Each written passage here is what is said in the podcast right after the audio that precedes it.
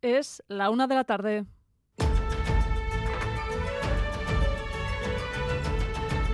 Crónica de Euskadi con Irache Ruiz.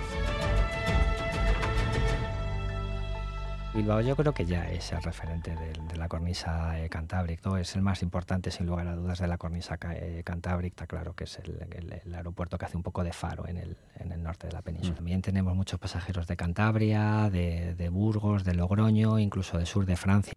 A Racha León, el aeropuerto de Bilbao se consolida como referente en el norte del estado y también en el sur de Francia. Escuchábamos al director Iván Grande destacar que el ya es el faro para los que nos visitan. Ellos, los turistas, lo confirman para Portugal.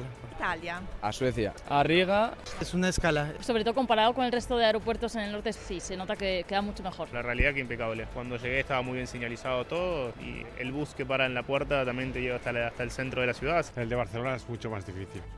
Los aeropuertos son las principales puertas de entrada a Euskadi para los extranjeros. En julio se batió un nuevo récord de visitantes, en parte por el tirón del Tour. Se registró un 5% más de visitas y la ocupación hostelera creció un 3%. Javier Hurtado, consejero. Bueno, lo que vemos es que se está recuperando el turista estadounidense, que fue uno de los que más bajó durante la pandemia, y estamos creciendo del turista, por supuesto, el francés, que es el principal mercado emisor, el alemán, y luego en un esfuerzo que hemos hecho en los últimos años desde el departamento, que está dando sus frutos, y así lo dicen los datos, sobre todo en Portugal y en el Benelux. Tanto Bélgica como Holanda como Luxemburgo están, están estamos viendo que hay un aumento importante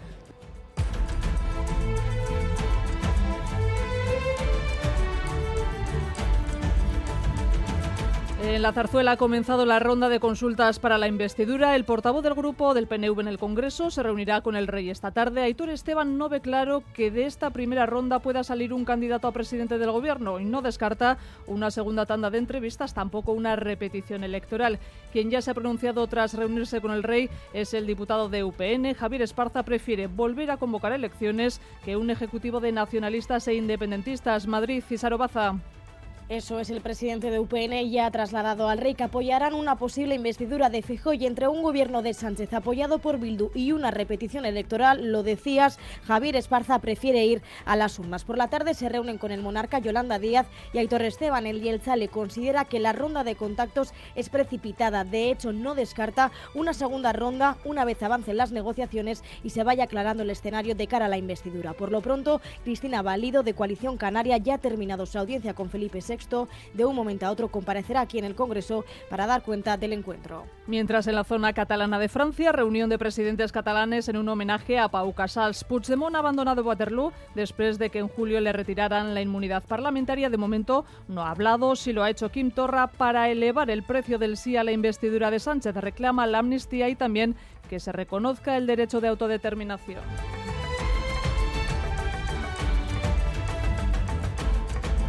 Y desde primera hora les estamos contando que los huérfanos, consecuencia de la violencia machista, contarán en Euskadi con una nueva ayuda superior a los 5.000 euros. El Departamento de Igualdad confía en cerrar el decreto en un par de meses. Es una muy buena noticia para la portavoz de Visitu, Inma Mata.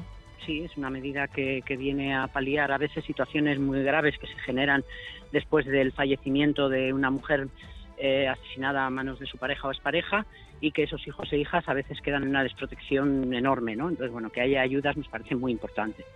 Las temperaturas siguen subiendo este lunes de manera particular en la Ribera Navarra y en el sur de Araba. A esta hora los termómetros todavía no alcanzan los 40 grados, pero será un valor habitual en muchos puntos los próximos días. Euskalmet o Ninche Salazar. En la zona del, sur de Álava, el Valle del Ebro, que va a ser una situación clara de calor en la zona centro de Álava, sobre todo más intenso a partir de, mañana, es decir, con el miércoles, jueves, y en la vertiente cantábrica de momento lo que vemos es para la jornada del miércoles, pero con aviso amarillo.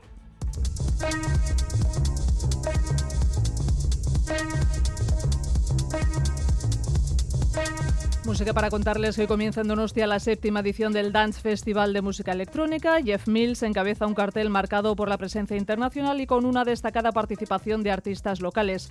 A lo largo de seis días están programados encuentros participativos, mesas redondas, proyecciones de films, talleres de formación y también mercados de discos. Joaquín Tellería es el director del Dance Festival Tránsito de tiempo hace referencia a que la electrónica está en un constante cambio. Hay mucho movimiento, es muy dinámico, además es un estilo de música que está todo el rato mirando hacia el futuro, debiendo de posibles nuevas tendencias, pero también sin ningún complejo mira al pasado. Y luego el destiempo por diferentes razones. La música electrónica siempre estado fuera del lugar en la sociedad, como un poco a destiempo, y es un estilo muy atemporal. Entonces todo esto se traslada a la estética, a la temática, al programa del festival en esta portada repasamos también los titulares del deporte. Álvaro Fernández Cadierno, Arrachaldeón. Arrachaldeón con varias citas eh, futbolísticas. A las 7, por ejemplo, tenemos Liga en Vitoria, en Mendizorroza, a la vez Sevilla. A las 4 y media, en la noeta se presenta Zacari en último fichaje de la Real. Además, la España campeona del mundo con Irene Paredes y Jen Hernández llega esta noche a Madrid para celebrar del histórico triunfo y dos protagonistas más de este fin de semana. En remo, por ejemplo, a Raúl Lagunac se ha hecho con la Liga Euskolabel y en ciclismo Euskaltel Euskadi vuelve de Portugal con dos victorias de etapa en la mochila.